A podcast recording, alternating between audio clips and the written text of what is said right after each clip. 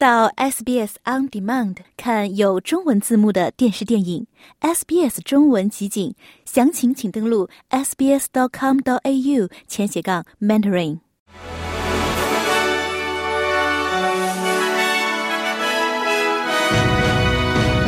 听众朋友您好，我是 SBS 记者刘俊杰，今天是二零二三年十月二十七号星期五。本期 SBS 新闻快报的主要内容有：美国军方空袭伊朗伊斯兰革命卫队两处设施；澳洲安全机构担心入侵加沙会导致本地暴力事件；中国前总理李克强突发心脏病辞世；澳洲总理向美国总统提出对阿桑奇被监禁一事的担忧；新州将首次从空中射杀野马，以控制其数量。以下是详细内容。美国军方在叙利亚对伊朗伊斯兰革命卫队使用的两处设施实施了打击。美国国防部长劳埃德·奥斯汀在一份声明中称，此次空袭是对自十月十七日以来在伊拉克和叙利亚发生的十九起针对美军人员的袭击的回应。这些袭击得到了伊朗民兵组织的支持。这次夜间空袭的目标是武器和弹药储存设施。随着对以色列哈马斯冲突可能会在中东蔓延的担忧加大，美国一直在加强对其驻叙利亚的九百名士兵和驻伊拉克的两千五百名士兵的保护。澳大利亚国家安全机构越来越担心，迫在眉睫的对加沙的地面入侵将激化紧张局势，并可能导致本地暴力事件。据了解，安全官员们担心恐怖组织，包括伊斯兰极端分子和新纳粹主义分子，可能会将地面入侵作为暴力行动的许可。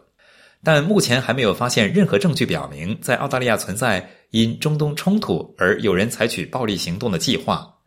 澳大利亚的恐怖主义危险级别也没有提高。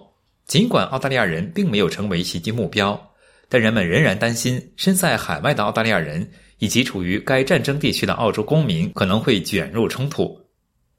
据中国官方媒体报道，中国前总理李克强因突发心脏病去世，享年六十八岁。李克强在今年三月之前一直担任中国国务院总理，也是中国第二大权力人物。据报道，他突发心脏病于周五十月二十七日凌晨零点十分去世。这位毕业于北京大学的精英经济学家，曾被视为共产党领导层的主要竞争者，但近年来却日益受到习近平的排挤。中国国家媒体称，他去世时正在上海休息。澳大利亚总理阿尔巴尼斯在访问美国期间，直接向美国总统拜登提出了他对维基解密创始人朱利安·阿桑奇被监禁一事的担忧。总理本月早些时候表示，他希望阿桑奇能够获释，并将继续向美国政府提出这一问题。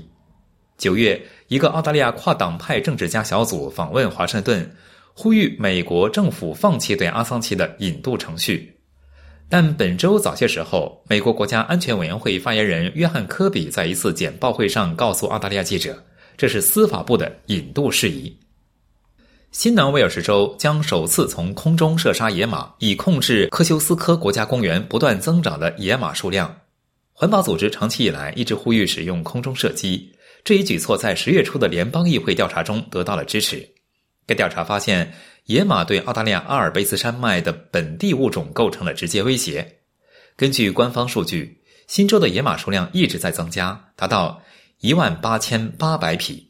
澳大利亚阿尔卑斯山脉地区则达到两万五千匹。新州环境部长彭尼夏普表示，这种方法对于保护公园内受威胁的本土野生动物和生态系统至关重要。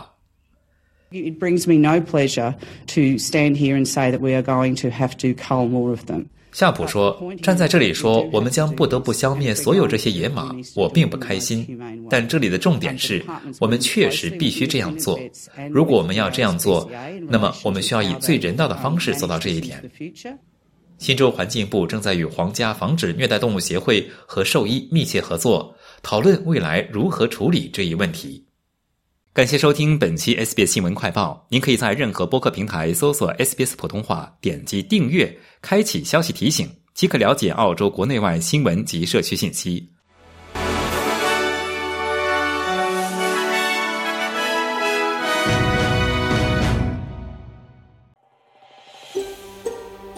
想听到更多这样的故事吗？